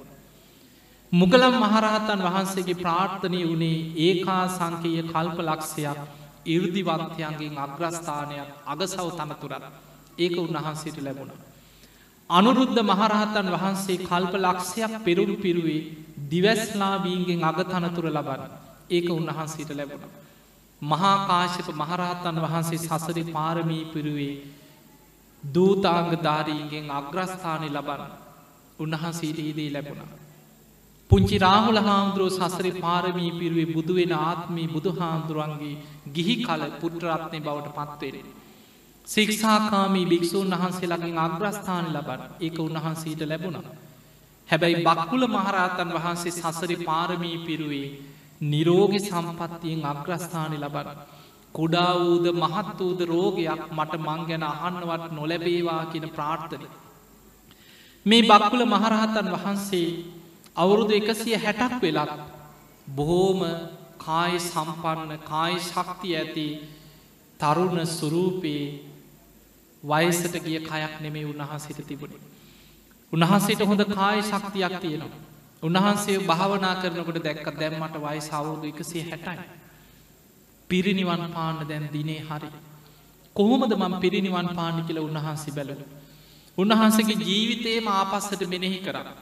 කවම දාවත් පැවිදි ජීවිතය අවුරුදු අසුවටම මට මේ දේ කරලා දෙන්න මට මේක ගෙනත් දෙන්න අනේ මට මේක උදව් කරන්න කාගෙන්වත් උදව්වක් උපස්ථානයක් ලබලත් නෑ ඉල්ලලත් නෑ. දැම් බලන්න අපේ ජීවිතය තුළ අපි ඉඳගත්තොත් අපිට නැකිටින්න බෑ පොඩ්ඩක් මාව අල්ල නැකිටවන්න කිය. එක් ඔලුවරි දෙන වනේ තෙල්ටිකක් දාන්නක මගේ කකුල චුට්ටත් තවන්න කියයි. අපි ජීවිත කාලෙ කී දෙනෙකින් උදව් ගන්නවාද. බක්කුල මහරහත්තන් වහන්සේගේ අවුරුදු එකසිය හැටට ජීවිතේම කාටවත් කියලා උදව්වක් උපස්ථානයක් ලබාගෙන නෑ කියලා. උන්වහන්සේ පිරිනිවන් පාන දවස හිතනවා අද මම පිරිනිවන් පෑවට පස්සේ. මගේ දේහේවත් තව කෙනෙකුට කරදරයක් වදයක් නොවේවා. තව කෙනෙකුට පීඩාවක් නොවේවා. උන්වහන්සේ කුටියෙන් කුටියට ගිහිල්ලා තමන්ගේ යතුරු කැරැල් අරගෙන තමන් හිටපු කුටියේ ඒ යතුර ඒ දේවල් අනිත් සංඝයාට පැවරුවා. අද මම පිරිනිවන් පාන. හැමෝටම අඩ ගැහුවා ආරාමි මිදුලට කුටිවලින් එලියට එන්න. අද මම පිරිනිවන් පාන සියලු දෙනා ඉදිරියේ පළඟක් බැඳගෙන අහසි වැඩ හිටිය. අධිෂ්ඨානයක් කරා උන්වහන්සේගේ දහතුන් වහන්සේලා. කය අහසේ තේජෝ කසිනින් පිරිනිවන් පෑවට පස්සේ මගේ කය කාටවත් කරදරයක් නොවේවා අහසේම දැවිලා අලු වෙලා අලුවත් දැලිවත් දූවිලිවත් නැතුව අහසේ මතුරු දහන් වේවා. නමුත් මගේ ශාරීරික දහතුන් වහන්සේලා. අනාගතයේ දෙව්මිනිස් ලෝකයාට නිරෝගි සම්පත්ති අරමුණු කරගෙන වැනුම් පිදුම් කරලා පින් රැස් කරගන්න. දෙව්මිනිස් ලෝකයාට මාගේ ශාරීරික දහතුන් වහන්සේලා පමණක් වන්දනා කරන්න ඉතිරි වේවා කියලා අධිෂ්ඨාන කරලා අහසේ පළගක් බැඳගෙන අහස පිරිනිවන් පැව. බක්කුල මහරහතන් වහන්සේ අහසි පිරිනිවන් පානකොටම උන්වහන්සේගේ ශරීරයේම ගිනිජාලාවකින් අහසින් වැහිලගිය. කයිම්ම හටගත්ත ගිනිජාලාවකින් ශරීරය අහස වැැහුණා. භික්‍ෂූන් වහන්සේලා පිරිස සාධකාරදිදී බලාගෙනින් නැද්දී අල්ලුවත් දැලිවත් දූවිලිවත් පහලට නොවැටි ගිතෙල් ටිකක් දැවුණ වගේ අහස්සෙම දේහෙ ආදාහනය වුණා සමන් කැකුළු පාටින් යුක්ත බක්කුල මහරහත්තන් වහන්සේගේ ශාරීරික දහතුන් වහන්සේලා පමණක් පහලට වැටුණ කිය. සාධු කාරදිදී කරඩුවලට මිනිස්සු එකතු කරගෙන බක්කුල මහරහතන් වහන්සේ වෙනුවෙන් චෛත්‍යයදි කර. පිංහතුනේ අවුරුදු දෙදස් පන්සිය ගානක් දැන් ගත වෙලා අපේ බුදු හාන්දුරු පිරිනිවන් පාල. ඒ කාලි තමයි බක්කුල මහරහතන් වහන්සේ වැඩ හිටිය. හැබැයි බක්කුල මහරහතන් වහන්සේ ගැන ඔබ ඔබේ පුංචි කාලෙ මීට අවුරුදු ගානකට පෙර ඔබ එච්චර අහල තිබෙන ඔය විස්තර. නමුත් අපිට බක්කුල මහරහතන් වහන්සේගේ නාමේ මේ වගේ සුවිශාල මහා සෑයක් බුද්ධ ශාසනයට දායාද කරන්න පින තිබ්බා. අනාගතයේ තව අවුරුදු සිය දහස් ගානක් බක්කුල මහරහතන් වහන්සේගේ නාමයේ දෙව්මිනිස් ලෝකය අතරට අරගෙනයන්.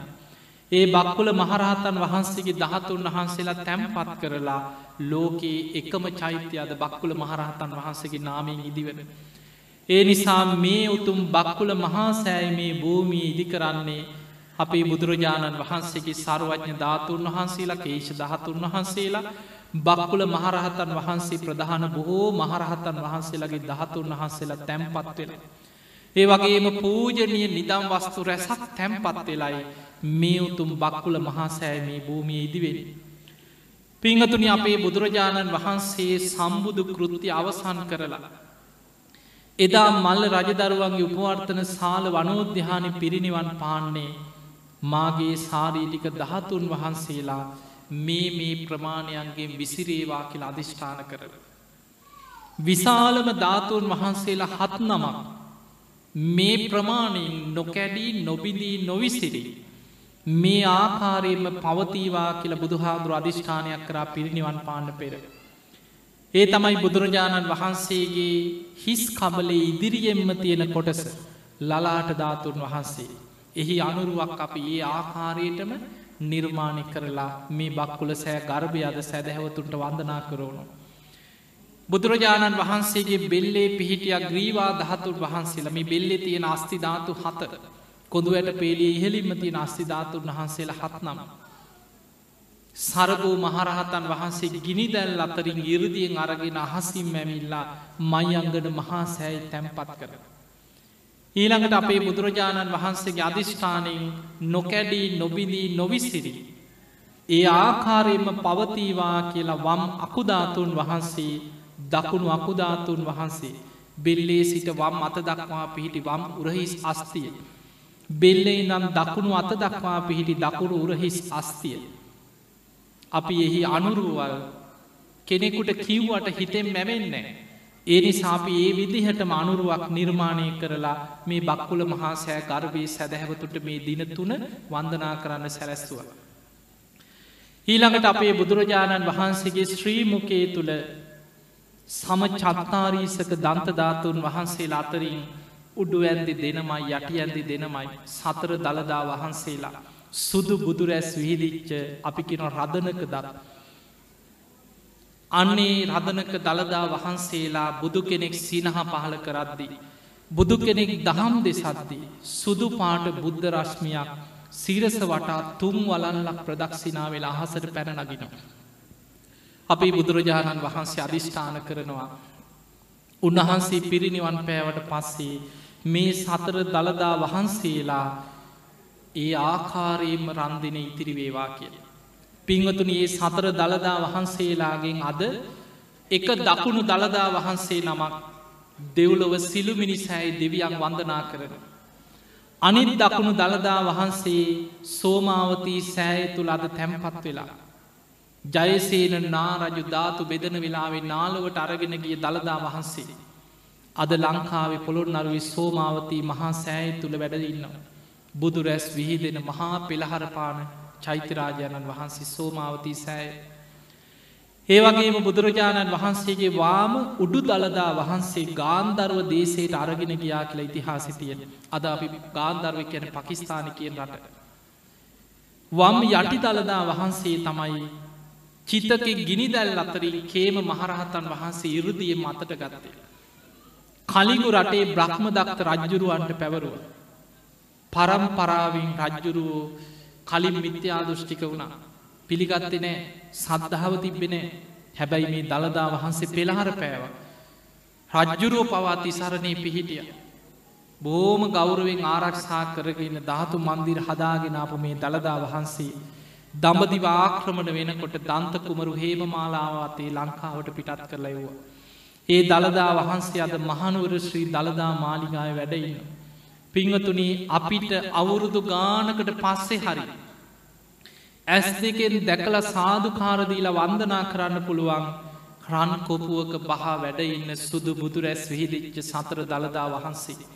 බලන්න මොනතරං ආශ්චරයක්ද කියලා ඔබ දන්න ඔබේ දත් පුංචි කාලය ඔබේ දත් වැටිල ඇති දැනුත් ගැලවිලා වැටෙන දත් ඇති.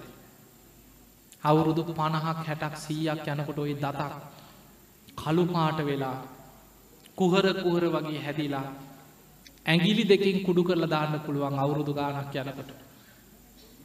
මැරිට මිනිස්සුන්ගේ අද පොළොව හාරලවත් දතක් හොයන්න නෑ. පරම්පරා දෙක තුනකට පෙර මියගිය අයගේ දත් අද ඔක්කොම පස් වෙලා පස්්ටික.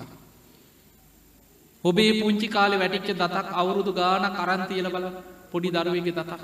අවුරුදු ගානක් යනකොට ඒ දත කුඩු කුඩු වගේ කුඩු වෙලා යනවා. මේවත් දිරලා යනවා. හැබැයි අපේ බුදුරජාණන් වහන්සේ පිරිනිවන් පාල අවුරුදු දෙදස් පන්සිය හැට ගාන.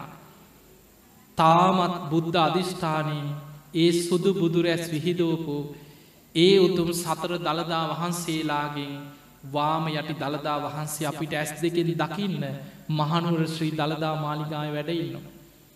ඔබේ සමහර වෙලාවට අම්මල තාත්තල එක්කෝබ මහනුවර දළදා ප්‍රදර්ශනයක් තියල දළදා වහන්සේ වන්දනා කරපු දවස්වල ඇස්තිගෙන් දැකපු අය ඇති. අදටත් ඒ දළදා වහන්සේ පෙරහැරට එලියට වඩම්මනකොට මහනුවරට මහා වැසි ඇදහැලෙන.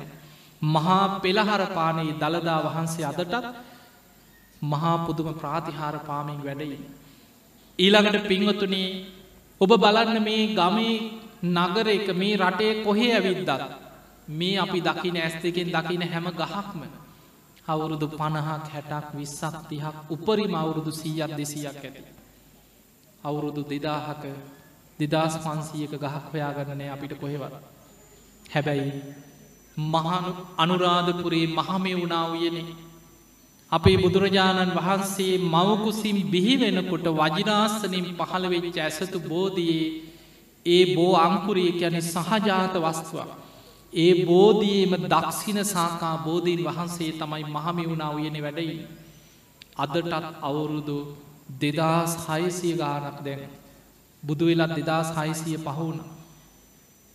එතකට බුදුරජාණන් වහන්සේ මවකුසින් බිහි වෙනකොටම පහළ වෙච්ච බෝධයේ දක්ෂින සාකාව. අදටත් ඒ ප්‍රමාණින්මයි. ඔබ මීට අවුරුදු සීයකට එකසිය පණහකට එහා ජයශ්‍රී මහ බෝධී පින්තුරයක් හොයල බලන්න. ඒ ප්‍රමාණයෙන්මයි. ඒ බෝධීන් වහන්සේ විශාල වෙන්නෙත් නෑ. හැබැයි ඒ බෝධියම බොවංකුරයකින් හටගන්න බෝධීන් වහන්සේ විශාල වෙලා අවුරුදු පණහක් හැටක් යනකොට අතු දිරලා අපවත් වෙලත්තිවර. මහා පෙළහර පාමින් බුද්ධ අධිෂ්ඨානත් එක්ක අවුරුදු දෙදස් ගණනක් දෙව් මිනිස්සුගේ වන්දනා ලබමින් ඒ ජයශ්‍රී මහා බෝධී දක්ෂින සාකා බෝධීන් වහන්සේ අපේ රටේ වැඩඉන්න. එනිසා පිංවතුනේ අපි මේ මනුස්සලෝක ඉන්නේ බුද්ධ ශාසනයක් පවතින කාලෙක. බුදුරජාණන් වහන්සේගේ ධාතුන් වහන්සේලා වැඩඉන්න කාලෙක. අපේ බුදුරජාණන් වහන්සේ පිරිනිවන් පාන්න කලින් ආනන්ද හාමුදුරුව පිරිනිමන් වංචකේ වැඩයින්න ඇති වන්දනා කරලා කියනවා අනේ සාමීනී භාග්‍යතුන් වහන්ස. ඇයි මේ පුංචි නගරයක් පිරිනිවන් පාන්න බුදු හාමුදුරුව තෝරගත්තේ. චම්පා රාජගහ විශාලා මහනුවර සැවැත් නුවර වගේ විශාල නගරක නින පිරිනිවන් පාන්න ඕනේ. බුදුරජාණන් වහන්සේ වදාලා ආනන්දය කුසිනාරාව පුංචි නගරයක් කියලා අවමං කරන්න එපා. මීට පෙර තතාගතයන් වහන්සේ මහා සුදස්සන නමින් සක්විති රජකං කරපු ඒ මහා සුදස්සන සක්විති රජ්ජුරුවන්ගේ කුසාවති රාජධානය පිහිටපු භූමියමේ. ඒ වෙලේ ආනන්ද හාමුදුරහනවා සාමීනී තතාගතයන් වහන්සේ පිරිනිවන් පාපු හම. අපි කොහොමද ශ්‍රී දේහයේ සම්බන්ධයෙන් කටයුතු කරන්න. අන්න එතනදි බුදුරජාණන් වහන්සේ වදල ආනන්දය රාජරාජ මහා මාත්‍යවරුන්ට ඒ කාරය පවරන්න. ආනන්දය බුදු කෙනෙක් පිරිනිවන් පෑවට පස්සේ සක්විති රජ කෙනෙක්ගේ ශරීරයක් ආදාහනය කරන විදිහට. අලුත් සිවුරු පන්සීයකින් කපුකොළුම් පටල පන්සියකින් ඔතලා. රන් දෙනක තැම්පත් කරලා සඳුන් චිතකයක් තුළ ආදාහනය කළ යුතුයි කිය. එදා අපේ බුදුරජාණන් වහන්සේ සම්බුදු කෘති අවසන් කරලා. අවසාන වසයෙන් සංඝයාට බුදුරජාණන් වහන්සේ බුද්ධ වචන දේශනා කරන්න පෙර පිරිනිවන් මංචකේදි බුදුරජාණන් වහන්සේ වදාලා ආනන්දය චෛත්‍යය ඉදි කරලා වන්දනා කළ යුතු පුද්ගලයෝ හතර දෙනෙක් ඉන්නවා. ලෝතුරා බුදුරජාණන් වහන්සේලා වෙනුවෙන් චෛත්‍ය හදල ලෝකෙ වන්දනා කරන්න සුදුසුයි. මහරහතන් වහන්සේලා වෙනුවෙන් චෛත්‍ය ඉදි කරලා උන්වහන්සේලාගේ නාමෙන් වන්දනා කරන්න සුදුසුයි. පසේ බුදුවරු පහළ වෙන කාලවල මේ කාල නෙමේ පසේ බුදුවරු පහළවෙන බුද්ධ ශූන්‍ය කාලවල. ඒ කාලවල පසේ බුදුවරු වෙනුවෙන් චෛත්‍ය ඉදි කරන්න සුදුසුයි. දෙතිස් මහා පුරුෂ ලක්ෂණ ඇතුව ලෝකේම සිල්වත්ත පාලනය කරන මහා පින් ඇති සක්විති රජවරු ලෝකෙ පහළ වෙච්චහම ඒ සක්විති රජවරු මිය ගියාට පස්සේ ඒ අය වෙනුවෙන් චෛත්‍ය හදන්න සුදුසුයි කියලා තූපාර පුද්ගලයන් දේශනා කර. අනාගතයේ බුදුහාමුදුරු පිරිනිවන් පෑවට පස්සේ ධර්මවිනේ ශාස්තෘත් හැටියට පිළිගන්න කියලා ධර්මවිනේ ශාස්තෘූ තනතුරට පත් කර. අවසාන වසයෙන් සංඝයා දිහා බලල බුදුරජාණන් වහන්සේ වදාලා මහනෙන නුඹලාට ධර්මී ගැන විනේ ගැන ප්‍රශ්නයක් තියෙනවනන් දැන් අහන්න කාලයයිකි. පස්සේ පසු තැවෙන්න එපා අනේ බුදුරජාණන් වහන්සේ පිරිනිවන් පෑවා. මට මේ වගේ ප්‍රශ්නයක් තිබ මට අහගන්න බැරි වුනා කියලා මහනෙන නුඹල පස්සේ පසු තැවෙන්න එපා දැන් අහන්න අවස්ථාව. කවුරුත් බුදුහාදුරන්ගේ ප්‍රශ්නහන්නේ. මහනෙන නුබලාත් ගෞරවෙන් නම් ප්‍රශ්න අහන්න නැත්තේ. ළඟඉන්න කෙනෙක් මාර්ගෙන් හරි ඔබේ ප්‍රශ්න යොමු කරන්නක බලන්න කරුණාව පිරිනිවන් පාන මොහොතේ අන්තිම වෙලාවෙත් සංඝයාගේ ධර්ම ගැටලුවක් විසඳලයි අපේ බුදුහාදුරු පිරිනිවන් පාන සූදානන් වෙන. ඒ වෙලේ එතන හිටපු දිවැස්ලාබීන් අතර අග තැන්පත් අනුරුද්ධ මහරහත්තන් වහන්සේ කියනවා සාමීනී භාග්‍යතුන් වහස මෙතන වැඩඉන්න සියලු දෙනා සැකයෙන් එතර වෙච්චාය. ඒ අයට ධර්මී ගැන ගැටලුවක් නෑ. බුදුරජාණන් වහන්සේ ඒ මොහොතේ සංඝයාදිහා බලලා අවසාන බුද්ධ වච්චනය වදාල්. හන්දදානි භික්කවේ ආමන්තයාමි මහනෙන අවසාන වසයිල්ල බල අමතරන. වයදම්මා සංකාරමේ සියලු සංස්කාරයන් අනිත්‍යයි. මේ හැමදේම හටගෙන පැවතිලා නැතිවී යන ස්වභාවින් යුක්තයි. අපපමාදීන සම්පාදීත නුඹල අප්‍රමාදීව කුසල් වඩන. එදා බුදුරජාණන් වහන්සේ සංඝයා දිහා බලාගෙන දෑස් පියාගෙන ඔය බුද්ධ වච්චන ප්‍රකාශ කරලා පළවෙනි දිහානයට සමවැතුන. දෙවනි දිහානයට සමවැතුන. තුන්ගෙන දිහානයට හතරවෙනි දිහානයට සමවැතුන. බුදුරජාණන් වහන්සේ මේ විදිහට හතරවෙනි දිහානයට සමවැදිල ආකාසානංචායතන විඤ්ඥානං චායතන ආකින් චඥායතන නීව සංඥා නාසඥායතනකින් අරූප දිහානයන්ට සමවැදෙන. නිරෝධ සමාපත්තියට සමවදිනවා සමගම උන්වහන්සගේ ආශාස ප්‍රශ්වාස මේ ශරීරි ගල් ගැහිල වගේ හුස්ම නතරුණ. ආනන්ද හාන්දුරක පාරට අඩන්නගත් අනේ බුදුරජාණන් වහන්සේ පිරිනිවන් පෑවා කියල. ඒ මොහොතේ අනුරුද්ධ මහරහත්තන් වහන්සේ දිවසිම් බලල කියන ආනන්ද තාම බුදු හාන්දුරු පිරිනිවන් පාලනෑ. ඔය නිරෝධ සමාපත්තියට සමවැදුන විතරයි.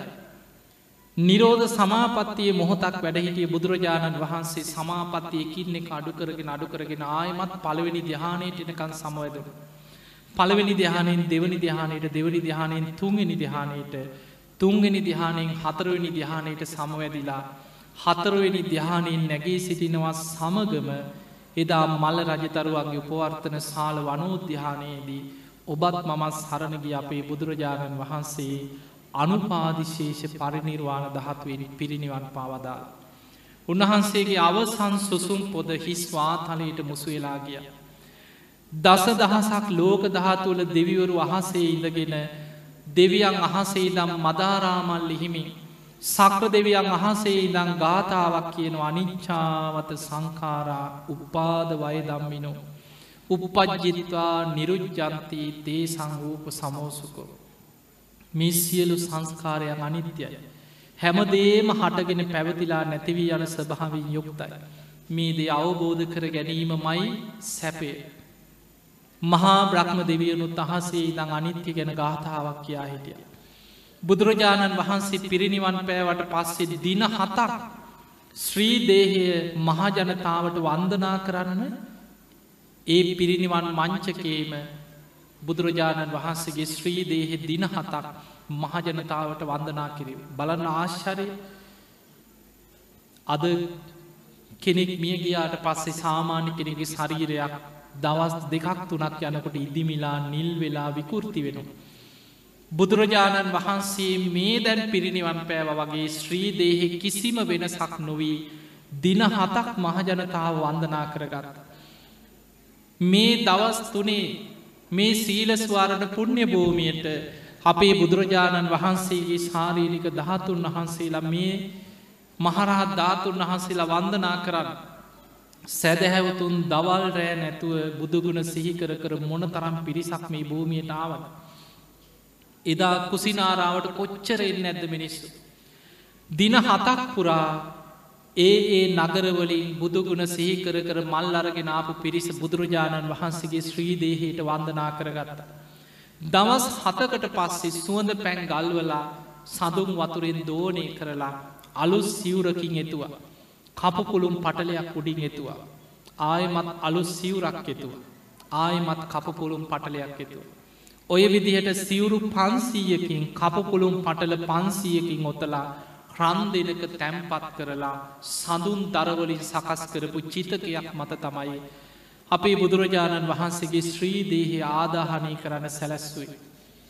එදා මහාකාශප මහරහත්තන් වහන්සේ වැඩම කරලා චිතකේ වටා ප්‍රදක්ෂිනා කරලා චිතකයට නලලතියද්දී. සිරි පතුල් චිතකෙන් එලියට නික්මිලා මහාකාශිප මහරහතන් වහසගේ නලලි පිහිටිය. එවැනි මහා පෙළහරපාපු ශ්‍රී දේහය. ඉබේම චිතකයට ගිනි දැල්ලුන කාටවත් ගිනි දල් වන්න ලැබුන්නේ. දේවානු භාවෙන් චිතකය ගිනි ගත්තේ. ඒ ගිනි දැල් අතරින් බුදුරජාණන් වහන්සේගේ ශ්‍රී ශරීරයේ සම්මස් නහරලී සියල්ල පිළිස්සිලා රන් දෙන ඇතුළේ කපුපුළුම් පටල පන්සීයම දැවුණා. සිවුරු පන්සීයකින් එතුවට සිවුරු හාරසි අනුවටක් විතරයි දැවුණ. පලවෙනියටම ඔත්තපු බුදු හාමුදුරන්ගේ සිවුරෝත්තපු ඒ චීවරයේ දැවිල පිළිස්සුන්නේ. පන්සිය වෙනයට උඩින්ම ඔතන සිවුරත් පිළිස්ුනේ නෑ. රන්දෙන ඇතුළේ අලුවත් දැලිවත් දූවිලිවත් නැතුව අනෙක් සියල්ල අතුරු දහමුණා. අර සිවුරු දෙක අතරි බුද්ධ අධිෂ්ඨානය මත දහතුන් වහන්සේලා පමණක් ඉතිරි වුණා. අවුරුදු පන්දහසක් යනතෙක් දෙව් මිනිස්සුන්ට වන්දනා කරමින් බුදුරජාණන් වහන්සේව දැකගත්තාසේ පින් කරගන්න. මාගේ සාරීරික දහතුන් වහන්සේලා මේ මේ ප්‍රමාණයන්ගෙන් වැඩ සිටිත්වා කියලා අධිෂ්ඨාන කරේ. ඒ අතර මුම් පියලි ප්‍රමාණයට සර්වඥ අස්තිධාතුන් වහන්සේලා බිඳිල බිඳල ගියා බුද්ධ අධිෂ්ඨානය. කඩ සහල් ප්‍රමාණයට බිඳී බිදී කියා දහතුන් වහන්සේ. අබෑට ප්‍රමාණයට බිඳිල ගිය. විශාලම ධාතුන් වහන්සේලා හත් නමක් නොකැඩී නොබිදී නොවිසිරී තිරි වුණ. මේ උත්තම ධාතුන් වහන්සේලා තමයි එදා ද්‍රෝණ බමුණා රන් නැලියකින් ද්‍රෝණ අටකට බෙදලා රජවරුන්ට ලබාදුන්. සක්‍ර දෙවියන් අහසිරි සාධකාරදිදී දකුණු දළදා වහන්සේ දෙව්ලෝට අරගෙන ගිය. අද මේ වෙනකොට දෙව්ලොව සිලු මිනිසෑයි මහා බෝසතාණන් වහන්සගේ කේෂ දහත තැම්පත්තුච්ච සිලු මිනිසෑයි දකුණු දළදා වහන්සේ දෙවියන් වදිනවා. වම් අකුධාතුන් වහන්සේ බඹලව සලු මිනිසෑයි. මහා බෝසතාණන් වහන්සේගේ ගිහි වස්ත්‍රයුගල තැම්පත් කරලා ගටීකාර බ්‍රහ්ම දෙවියම් මවපු සලු මිනිසෑයි වම් මකුධාතුන් වහන්සේ දෙව් බමුන් වදිනවා. නාගලෝකේත් නාගයන් දහතුන් වහන්සේලාට බොහෝම සද්ධාවෙන් මැනුම් පිදුම් කරනවා. අද මනුලුව කොච්චරනං මහා සෑයවල් ඉදිකරලා චෛත්‍ය ඉදිකර කර බුදුරජාණන් වහන්සගේ ගුණ සිහි කර කර මිනිස්සු කොයි තරම් පුද පූජා පවත්වනවද. ඒ නිසා පින්වතුනී බුදුගුණ අනන්තයි. බුදුගුණ අචින්තියයි. අචින්තියේසු පසන්නානම් විපාකෝ හෝති අචින්තියෝ. ඒ අචින්තිය බුදුගුණ ගැන හිත පැහැදුනොට ලැබෙන විපාකයක් අචින්තියයි. තින් එහෙමනං ඔබ හැම දෙනාටම උතුරු නිවන් අවබෝධය පිණිසම මේ පින ආශිර්වාදයක් වේවා කියලාශිර්වාද කරන.